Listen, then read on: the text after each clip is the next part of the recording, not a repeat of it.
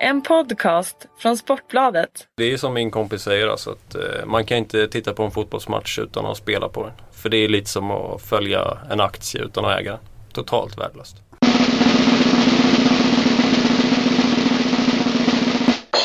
Härligt! Sportbladets spelpodd är tillbaka. Eh, tre stycken i studion.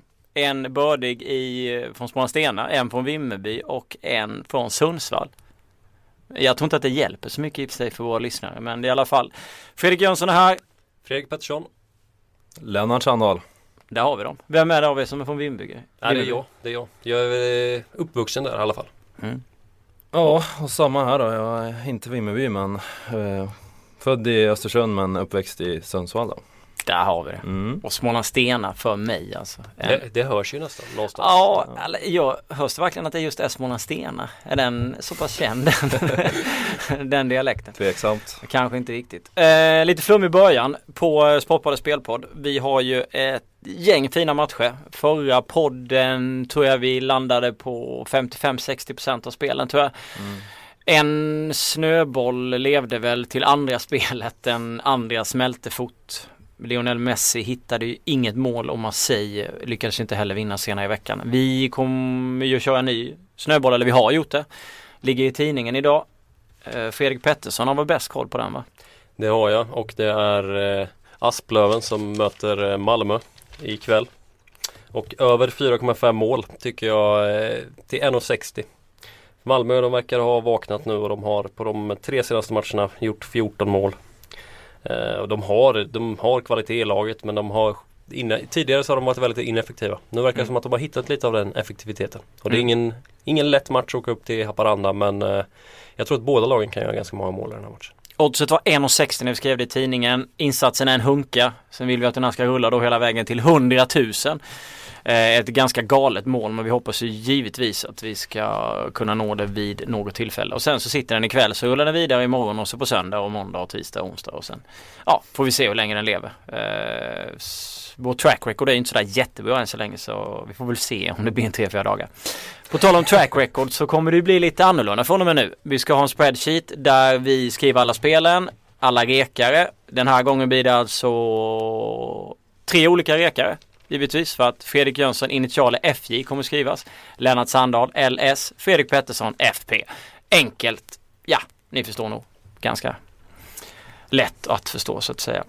Vi tittar på utbudet. Eh, vi har diskuterat lite stormatcher, kom fram till att det finns några stycken, tagit ut några spel. Vi har Manchester City, Everton som en, Southampton mot United får vi se som en annan. Vi var i Tyskland och nosade lite på Bayern München, Bayer Leverkusen. Vem vill börja? Eh, jag kan börja med Bayern där. Det var väl, eh, ja, Bayern går ju som tåget där. De hade ju lite problem mot Hertha Berlin, eh, vann knappt med 1-0 och hade väl lite tur egentligen faktiskt. Det fanns en hel del chanser för berlinarna. Men nu är man hemma på Allianz igen och där eh, tror jag nog att det blir en ny seger. Eh, man har 7 av 7, 24-2 i målskillnad. Eh, Leverkusen har 2-2-2 borta då.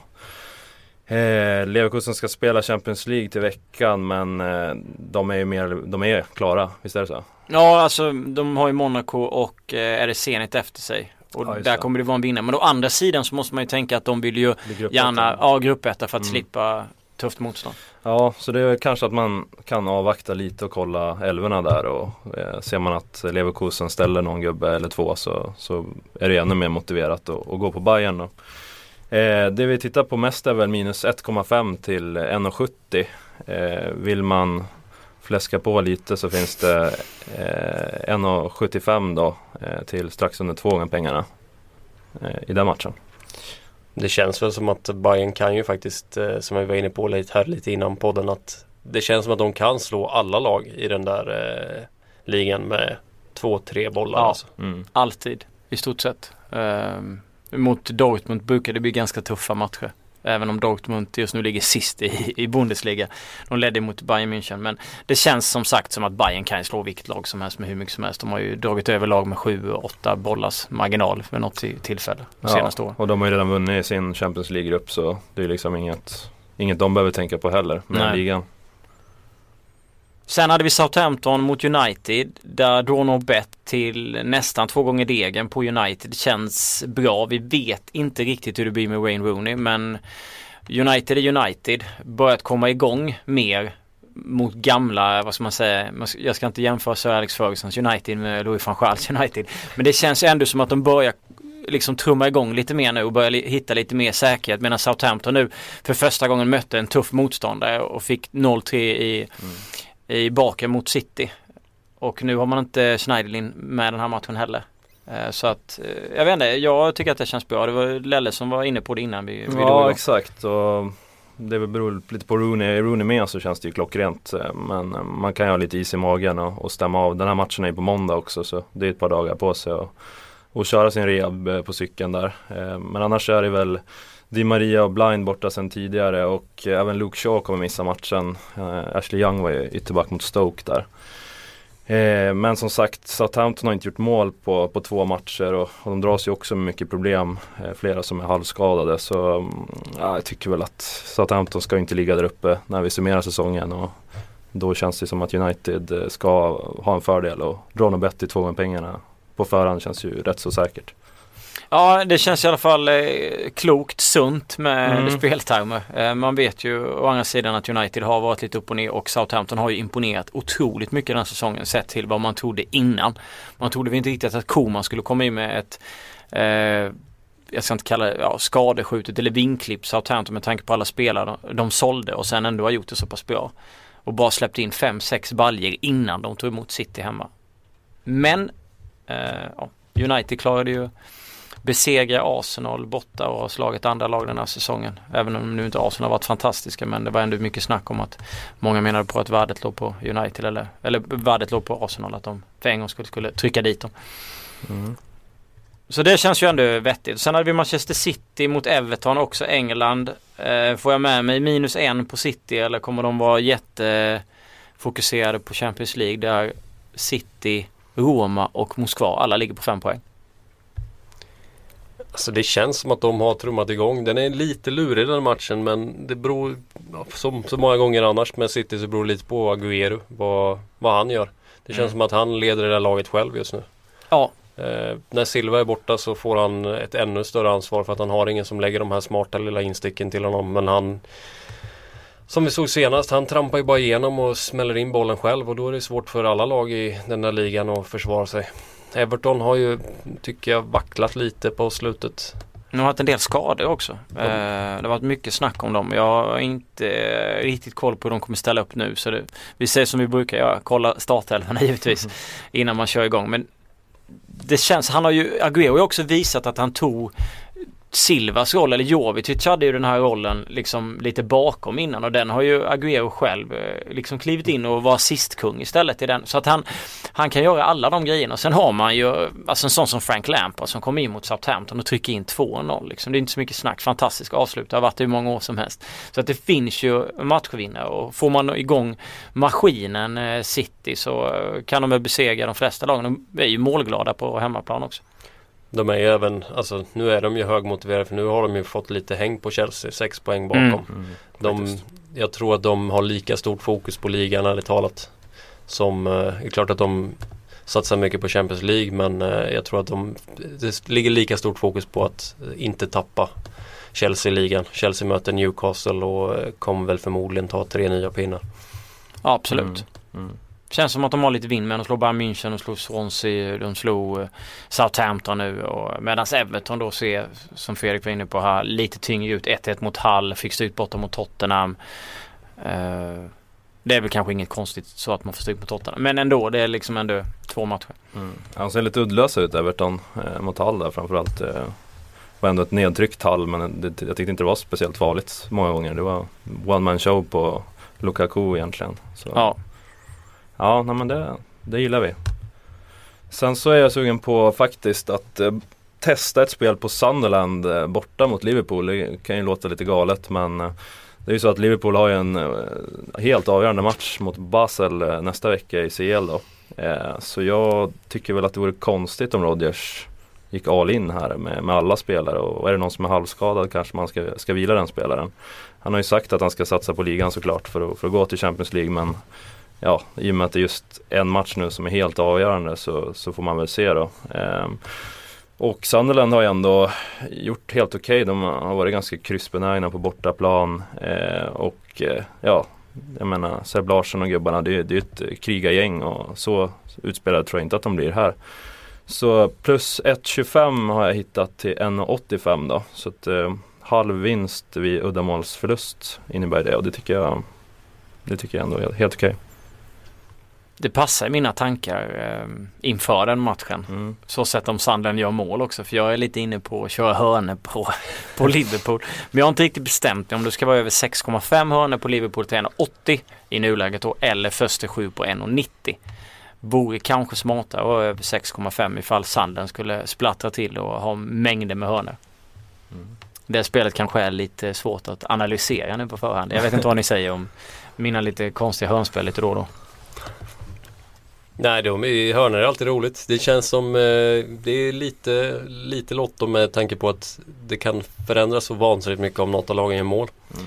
Men det kan ju också, om man är helt rätt ute så kan ju ofta underdogen få väldigt mycket hörnor. Säg att Arsenal till exempel möter ett dåligt lag, de, eller dåligt lag, men de möter ett eh, lite sämre lag som till exempel Stoke nu. Gör Arsenal 1-0 tidigt då kommer de ju backa hem mer och Stoke kommer pressa på och kommer säkerligen också jobba fram en hel del hörnor. Mm. Vi var inne på just den matchen också. Det vi fick vi. ett litet tips här på Twitter från eh, Jonas om eh, första sju och, på den och första sju på VBA tror jag det var. Men vi tyckte att första fem på Stoke till 2,87 var ett skönare spel. Sju hörnor är ganska mycket. Ja, fem eh. kändes klart bättre. mm. Fem känns mera troligt. Det finns nog en anledning till att oddset är så högt på just först till sju hörnor. Eh, nu har jag ingen statistik framför mig men att Stoke, jag vet inte hur många matcher de vaskar fram sju hörnor i.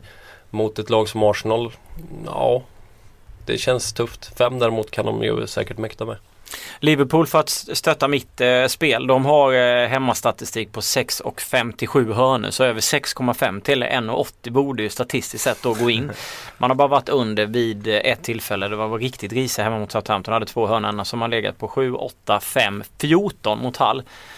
5 mot eh, Chelsea och 5 då mot Stoke. Och jämför man att de har så pass mycket hörnor mot de lite sämre lagen känns det som att då kanske man, Sanden backar hem och så kan de ha sina 14 hörnor som de har mot Hall. Eh, sen eh, Stoke var vi inne på. Jag, jag, kan plocka fram lite stats på, på hörnor. De snittar alltså 7,17 hörnor på hemmaplan. Så första fem, första sju kanske. Ja. De hade 14 hörnor mot Burnley hemma. De hade 9 mot West Ham. De hade 3 hemma mot Swansea, 2 mot Newcastle, 13 mot Leicester och 2 mot Aston Villa ska det komma ihåg att Arsenal är ett klart bättre lag än Burnley och eh, Leicester och så vidare. Mm. Och det är där de verkligen har bajsat på med, bajsat på med ursäkt men pumpat på med mycket hörnor. Ja, så att det är svårt men eh, man kanske ska titta på en lina på, på Stoke över istället. Jag tror att den kan ligga runt över 4,5 över 5,5 någonstans. Ja men det känns väl ändå i och med att Arsenal kommer ju äga mycket boll såklart. Så det beror på hur mycket tryck de kan få Stoke och sen är det ju med kontringar är alltid lott om de spelar längs kanten eller om de mm. Ja, om de spelar ganska direkt mot mål. Det är, det är ganska svårt att analysera på förhand eh, just kontringar utan eh, det är väl hur mycket bollinnehav de har, hur, hur pass mycket tryck man tror att de kan få. Ja det blir slå fast här. Eh, mitt spel i spreadsheeten över 4,5 hörnor på Stoke till 1,90. Det tycker jag var kanon. Alltså just Stoke är ju ett lag som de spelar väldigt mycket efter att få hörna. De har sina långa tunga grabbar och de vill ha de fasta situationer är mycket det de lever på. Så att, eh. De har blivit mindre på det än förr men de är fortfarande mycket på det. Det är det som är sjukt. Man tycker ändå att de har blivit mindre på det. Ja. Eh, men det är ändå kvar mycket sen tidigare. Har vi mer England? Eh, jag har West Ham mot Swansea. Två formstarka lag som inte har några problem med skador heller. Fernandes eh, är väl lite osäker i Swansea. Eh, West Ham, eh, Sakho, Song och Noble är osäkra men väntas kunna, kunna spela.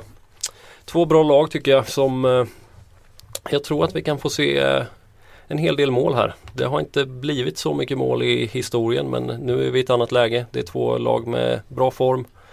många målskyttar. Jag tycker Swansea spelar väldigt trevligt. Det var, blev 2-0 mot QPR senast men det var egentligen sjukt att eh, första målet dröjde så länge. De, eh, de var ganska ineffektiva. Så kan de jobba, skruva åt den effektiviteten lite så kan det bli väldigt många mål. Och eh, jag blev, över 2,5 mål ligger på två gånger pengarna och det tyckte jag kändes ganska högt. Absolut. Jag tror att det finns stor chans att det blir 2-1, 2-2 kanske. Känner mig som en eh, repig skiva ibland när jag säger det. Jag har gjort det om West Ham tidigare men de är ju energiska på hemmaplan. Och tuggar väldigt, väldigt bra. De kan köra hejdlöst. De besegrade till exempel Manchester City hemma med, med 2-1. Mm. Och eh, deras snitt på hemmaplan när det gäller mål är 1,29. Så att, eh, men nu ska vi inte prata för mycket statistik. Jag tycker att det känns bra spontant. Två gånger degen eh, känns väldigt bra. Ja, jag håller med också. Det är, Bonny har ju visat målform. Rutledge, eller Routledge och Sigurdsson framåt. Det finns ju kvalitet i Swansea också. Mm. Och det vet vi att West Ham, eh, det är mycket hardcore mentalitet hemma på Afton Park. Det är bara att köra liksom. Absolut. full fart. Eh, kan vi flytta till Frankrike tror ni? Det tycker jag. Ja. Ja. Vet inte om jag får mer på den här men eh, Marseille var ju i en liten fiasko här senast i, i helgen va? Eller i veckan var det till och med. Eh, 1-1 mot Lorient Ja, borta. som tur är för dem så PSG floppade också så det är ju status quo i, i, i ligan där så att de leder fortfarande inför den här matchen. Eh, möter alltså Mets på hemmaplan. Eh, Bielsa, hans Marseille trycker på oss väldigt hårt hemma offensivt. Eh, har ju Chignac i, i målform också. Eh, inga nya skadeproblem jag kan se och eh, det blev 3-1 till Marseille förra året. Så då tycker jag med det i hand där och att Mets inte är i närheten av toppen på något sätt. Eh, minus 1,5 till 2,28 eh, hittar jag hos Unibet. Eh, så jag tycker väl att det, det är också ett sånt där sunt spel hemma på, hemma på planen, hemma på, på hemmaplan helt enkelt. Något att tillägga? Frankrike är Frankrike. Vi får lita på Lelle. Det tycker Mm. jag. Det tycker Ja. jag vi gör. Förra snöbollen eh, smälte ju på just Frankrike så att jag håller mig lite passiv. Med all rätt kanske. Mm. Jag glömde ju ett eh, spel i, i England. I den andra ligan. Jag brukar vara där och peta ibland. Alltså Championship. Och det är liga-ettan Derby som tar emot Brighton. Och Derby, när jag tittade igår, gav 1,90. Torskat en match hemma i år. Eller en match sedan maj tror jag det var. Om man räknar med förra säsongen. Brighton är 22 i Championship. Tog i och för sig poäng mot Norwich 3-3 när en av de här klassiska snöbollarna smälte.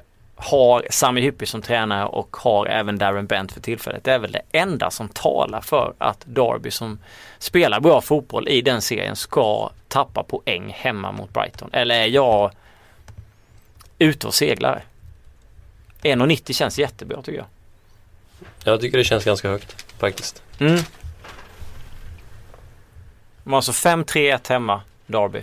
28 i målskillnad. Jo men det låter ju högt. Brighton har faktiskt. 1-4-4, 11-14 och är liksom ligans säm- tredje sämsta lag. Ja, du går ju ofta emot Brighton har jag noterat. Ja, ja jag, brukar, jag brukar göra det men jag brukar aldrig ha någon tur. Så den här gången kände jag att jag ville vinna den, ja. den kampen mot Brighton. ja exakt. Men vi kan lämna England direkt eh, och skicka bollen ner till eh, skon, Mm. italienska. Ja, jag har, eh, jag tycker väl egentligen att jag har ett bra spel där som, som jag tror på. Ett bara! Ja, jag hade rätt många förra helgen men eh, med blandad kvalitet så att jag ligger lite lågt. Ja. Eh, men det är eh, söndag lunchmatchen där när man har vaknat upp efter en sen kväll på, på staden där. Då tycker jag att man ska ratta in Napoli mot Empoli. Eh, båda lagen står för en väldigt trevlig fotboll, anfallsinriktad fotboll och det kanske man inte kan tro Empoli som nykomling att de, eh, att de går ut och spelar men det gör de faktiskt. De är, de är riktigt underhållande att kolla på och jag tror utan tvekan att de kommer hålla sig kvar i, i ligan på det. Eh, eh, och Napoli, de, eh, det är inget lag som som egentligen spelar för att hålla nollan heller utan de har eh, 3-3 mot Palermo som exempel och 3-3 hemma mot Cagliari. Och Empoli har faktiskt gjort mål i sina fem senaste bortamatcher. Så att, eh, och då får båda lagen göra mål till 2-15 hos Nordicbet tycker jag är riktigt högt sett till de förutsättningarna. Eh, Empoli kommer absolut försöka anfalla här och, och inte backa hem. Så att Ja, ja, det blir nog en öppen match och lunchmatcherna brukar kunna bli målrika. I alla fall förra året var det ju så. så att, eh, ja, det blir mitt eh, spel från Italien. Ska vi använda uttrycket som vi har gjort tidigare, sunt spel? Känner jag när jag Mm. hör det. Eller galet, det beror på Ja. vad man... Nej, galet Man tror jag inte att det är. Nej, det är 2.15 tycker jag är ett eh, kanonbra... eh, Ja, oväntat högt måste jag säga. Ja. Sen så ligger de andra bolagen runt två då, men det är fortfarande bra. Absolut. Ja. Absolut, som Chris Gustafsson brukar säga när han är med i den här podden. en passning till honom när han lyssnar lite senare. Absolut. Statistikspel, hörner, Italien. Eh, klassiker. Parma snittar 5,83 hörner hemma. Lazio snittar 6 hörner borta. Det blir ju någonstans 11,83 nästan 12. Asian-hörner över 9,5 står i 1,72. Lazio senast hade 13-1 i hörnor borta mot Kievo. Möter ett Parma som ligger ganska långt ner och man tycker väl att Lazio kommer tugga där. Och sen kanske Parma hjälper till att fixa ett par hörnor också. Så att över 9,5 hörnor till 1,72 tycker jag är kanon. Man kan gå på över 10 hörnor till 2,05. Och sen ja man kan gå hur högt man vill men, men det är väl de två jag känner att man eh, ja, Ja, Borde- det, det kommer garanterat bli en öppen matchbild. Det, det är jag helt hundra på. Parma ligger ju sist och finns ingen mening att backa hem och, och gå för en pinne här utan de kommer ju köra och Lazio de är, har ju häng på toppen så har press från, från president Lotito också att de ska nå resultat den här säsongen. Han har satsat pengar för en gångs skull. Så att, eh, ja, men jag tror att det kan bli en riktig Hawaii-match faktiskt. Eh, sen får vi se om målen trillar in men, men hörnorna borde göra det. Det tycker jag också. En liten brasklapp det är att Lazio bara släpper till 2,71 hörnor när de är på bortaplan. Mm. Statistik, statistik. Men det känns bra. Det är ett fint spel enligt mig. Och det är alltså över 9,5 hörnor till 1,72 och över 10 hörnor till 2,05. Det är väl bara att tömma bankkontot Fredrik och Ja, kasta. det, är bara att lasta in. Det är, slänga in keramiken som Dan Glimnen brukade säga. Ja just det. Det är en klassiker. Mm. Har vi mer Italien? Har vi mer spel? Mer spel har vi, men eh, det är inte ens eh, det är inte Italien och det är inte ens fotboll. Vill du köra den innan jag... Ja du kan köra. Nej, du Så- kan köra ett om du har ett fotbollsspel. jag har så- ett fotbollsspel som är eh, på eh, tisdag kväll i Champions League. När jag själv kommer på plats faktiskt, Olympiakos Malmö FF. Där jag tror att Olympiakos kör över Malmö. Trötta ben i Malmö och Olympiakos vill ju pumpa på, vinna hemma. Minus 1,5 står just nu i två gånger degen och jag tycker att det är ett kanonodds. Mm. Ja, jag, jag håller helt med. Malmö har ju faktiskt ingenting att spela för nu och Ja, de har Europa League-grejen. ja, och Europa League-platsen har de att spela för. Och vill de, ja de kommer ju vilja gå för den hur som helst kommer de öppna sig. Det känns som att det finns massor med, eh, alltså jag skulle kunna sitta i 20 minuter känns som att prata om eh, att Olympiakos bör göra två där. Olympiakos har väl en liten, liten chans på att gå vidare eller? Är det Juventus helt klara? Eh, nej, det räcker väl med kryss för Juve va? Det är väl det som är Mm. Eller är det någon målskillnadshistoria? Jag har Jag har för mig att det inbördes möte. Hur har det gått mellan Olympiakos och Juventus? Olympiakos Olympiakos vann hemma med slog 1-0. ju Vann ju varsin va? Ja, de har vunnit varsin Mm. ja. Men uh, uddamålet. Ja men det är de fördel Olympiakos. De vann väl med två bollar Ja, nere och sen så blev det väl bara en boll. i- Nej, de var med 1-0 hemma och fick stryk med 2-3 så skulle det vara bortamål. Ah, Så ja. Hur som helst är det tight match. Jag, även om, jag tror även att Olympiakos vill nog ha en revansch på Malmö FF också på bortaplan. Jag tror inte de är jättenöjda med det liksom. Och det är jobbigt att spela i Grekland. Vi, grekiska lagen är ju sådär på bortaplan men det kan ju vara helt fantastiska. De har ju faktiskt slagit både Atletico och Juve. Ja, precis. Ja, de slår. Nu går vi från fotboll till en puck. Det gör vi. Jag har fem hockeyspel här. Vi kan Mata, köra dem i mata. rask takt. Först har vi en SHL-match, Luleå-Brynäs. Eh, Brynäs har sett bedrövligt ut på sistone. Mot Linköping senast torskade de skotten i första perioden med 24-0. Det säger väl kanske det mesta. Jag älskar din sågning. Bedrövligt. Ja, äh, men de var, eh, verkar inte bra alls. Sen kämpade de sig tillbaka mot Linköping men det var ju för att Linköping är inte jättebra heller. Nu möter de Luleå som har sett bättre ut. De bröt sin tråkiga svit senast. Och framförallt så såg deras försvarsspel grymt ut. Det såg ut lite som på gamle Franssons tid. När de faktiskt gick väldigt bra. Eh, och, eh, så att jag tror att det här blir en väldigt tight match som Luleå till slut vinner. Ettan på Luleå är två gånger. Men eh, jag är mer sugen på under 5,0. Voidat på eh, fem mål exakt. 1,90. Sen har vi två matcher i NHL i natt. Winnipeg mot Colorado. Eh, det är två formstarka lag som möts. Det blir väl Hutchinson som står i Winnipeg igen. Han har gjort det bra. Eh, mot eh, förmodligen Picard i eh, Colorado för Farlamo var väldigt småskadad. Eh, två som sagt väldigt formstarka lag som har börjat klättra nu och vakna. Jag eh, tror att det här kan bli väldigt sevärt. Winnipeg har ett snitt på 2,50 mål per match och Colorado 3,50 mål per match. Så över 4,5 mål till 1,63. Känns, eh, känns bra. Mm. Och eh, andra matchen i natt, Minnesota-Anaheim, över 5,0 mål. Eh, det är Fredrik Andersen i mål för Anaheim mot Darcy Kuemper, hur man uttalar hans namn, i Minnesota. Och eh, där så tycker jag att Bäckström är en ganska mycket bättre målvakt. Så det kan nog eh, ramla in en del puckar där.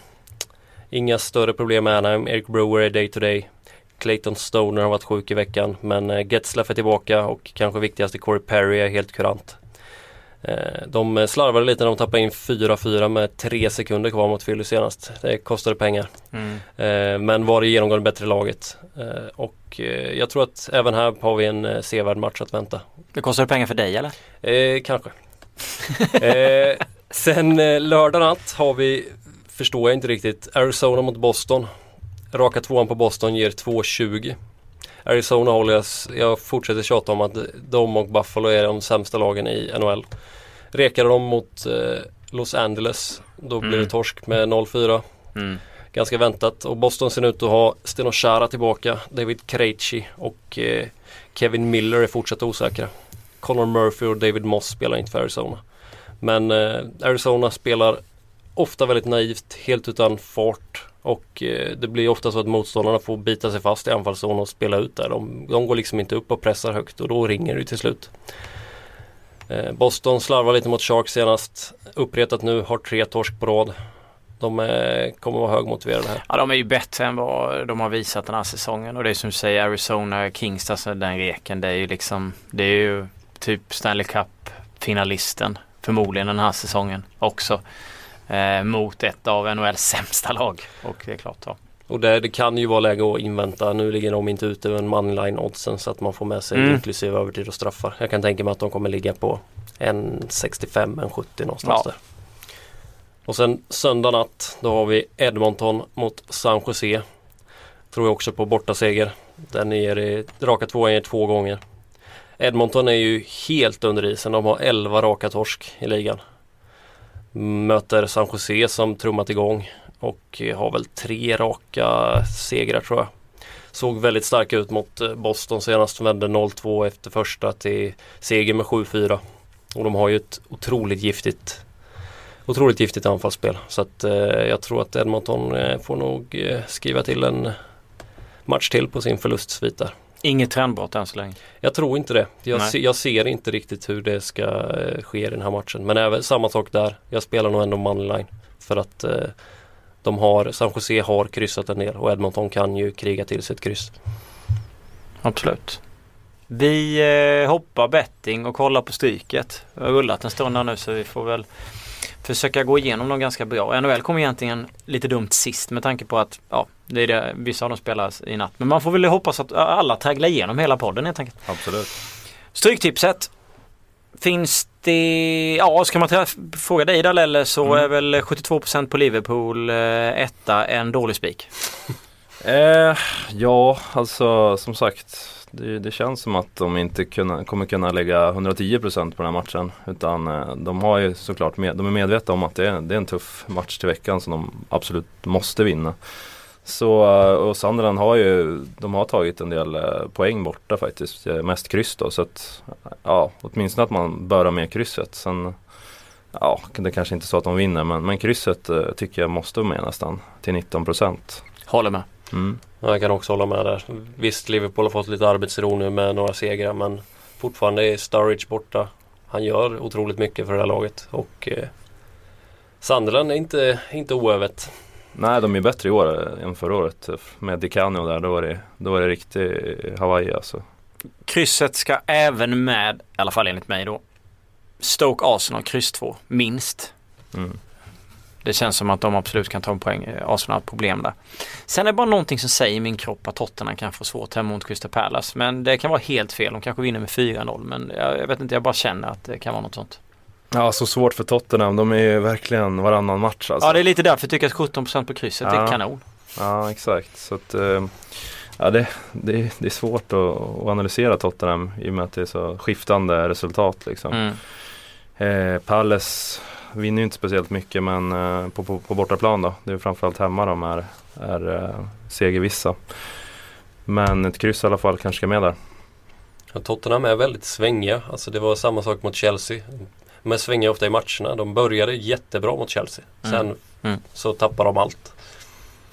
Så jag, jag skulle inte spika dem till eh, 73% som det är i nuläget. Palace hade 1-2 mot Arsenal och sen hade de 3-3 borta mot Newcastle. Slog Everton borta med 3-2. Torska mot Hull. Har 2-2 mot VBA på bortaplan. 0-1 mot United borta och sen 1-1 mot Swansea. De är inte sådär hu, alltså hutlöst dåliga borta heller. Så krysset tycker jag absolut kan Mm. följa med. Någon spik som ni känner är eh, gjuten i sten? Gjuten i sten vet jag absolut inte. Det är, det är svåra, svåra spikar man får hitta men, men de ska ju in. Så att den som jag och Fredrik kollade på här, en av dem eh, var i alla fall Brentford borta mot Huds. Eh, Brentford har ju fyra raka så spelat väldigt bra på slutet här. Slog ju Wolves med 4-0 förra matchen. Eh, står i 38% borta mot Huddersfield. Och Brentford är ju det är ett väldigt offensivt lag så de, de kör ju alltid för tre poäng. Eh, det går nästan alltid över 2,5 deras matcher också. Så att eh, vi får väl se men, men det kan vara ett bra förslag att, att försöka spika den matchen. Eh, har du någon, någon annan där? Ja, jag spikar nog även i sista matchen faktiskt. Eh, Wolves som sagt. Jag vet inte vad som har hänt med dem riktigt men de, de gör ju aldrig mål längre. De har ju, ja men på de fem senaste matcherna har de eh, mäktat med ett mål. Det var i förlust mot Ipswich. Eh, och eh, Bournemouth på sin sida har helt okej form. Tre, kommer från tre raka kryss. Där innan så var det tre vinster. Jag, eh, när jag kollar på procenten så ser jag att det är 40% på Bournemouth och jag tycker nog att den skulle ha legat på typ 60 ungefär. Så att eh, Mm. därför så tycker jag det är en ganska bra spik. Ja, jag tycker också att eh, jag brukar vara hård mot Leeds men eh, de har faktiskt eh, spottat upp sig rejält här. De har, eh, ja, de har vunnit eh, två raka hemmamatcher, nu spelar de borta igen. Men senast de gjorde det så, så var de faktiskt värda segern borta mot Blackburn. Eh, jag slog, Lead, eh, slog, sorry, de slog eh, Derby hemma med 2-0 förra och övertygade väldigt hårt den matchen. Så att eh, det vore konstigt om det bara hade försvunnit all, allting eh, till den här matchen. Och Ipswich är ju ett av ligans bästa hemmalag men eh, att Leeds har sån liten chans enligt strecken här tycker jag är, ganska snett. De står i 14 och krysset står i 18 så där är jag nästan sugen på kryss 2 den matchen. Ja just Ipswich känns som ett lag som har förstört många stryk genom åren genom att de alltid kryssar. Och senast så slog de väl Charlton borta va? Ja, Målet kom precis. jättesent men då var de inte med på kupongen utan det var en tidig match. Nej, 0-1 exakt. på, på stopptider vad det var. Mm. Plus 5. Det kommer jag ihåg med tanke på att jag ofta spelar Charlton. Kan jag erkänna. Ja. Eh, vi tittar, Charlton är faktiskt med på Stryktipsraden till eh, 14% borta mot Nottingham och det är mycket möjligt att Fredrik Jönsson har en tvåa på Charlton. Det får vi se. Men vi tittar på Stryktipset istället där jag eh, Ja, man kan ju vara helt ute helt snett ute där. Men det är Aston Villa Leicester. Aston Villa med sina med sin eh, skakiga säsong och Leicester med sin mystiska säsong. Aston Villa är alltså streckade till 65% hemma. Kryss ligger på 24 och tvåan ligger på 11. Jag tycker väl ändå någonstans att man borde kunna ta med krysset och kanske till, eller chansa på tvåan där till 11%. Det skiljer ett par poäng i, i tabellen. Det är inte så att Aston, Aston Villa är jättetrygga till 65%. Eller? Nej jag menar det skiljer 6 poäng mellan lagen så att det är inte så att Villa har någon eh, supersäsong bakom sig. Eh, En seger hemma, Leicester har en seger borta. Mm.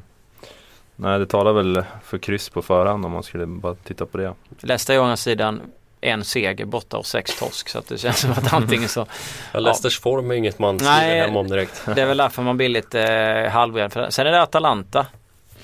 Sträckade till 69%. Italien-experterna. Mm. Tycker du det känns tryggt på förhand? Ja, jag tycker ju att eh, Cesena var ute i, de ligger ju sist eh, i botten där men de var ute i Coppa Italia, näst sist ligger de, Parma ligger sist. Men de var ute i Coppa Italia här och eh, ja, de ställde till rejäla problem för Udinese. Och det var på bortaplan där de fick 2-2 och så fick Udinese kämpa in till sig seger på, på övertid då. Så att eh, de eh, ska ju inte ha en så dålig chans. Eh, Så jag har svårt att säga att de vinner men, men tycker krysset ska med där också.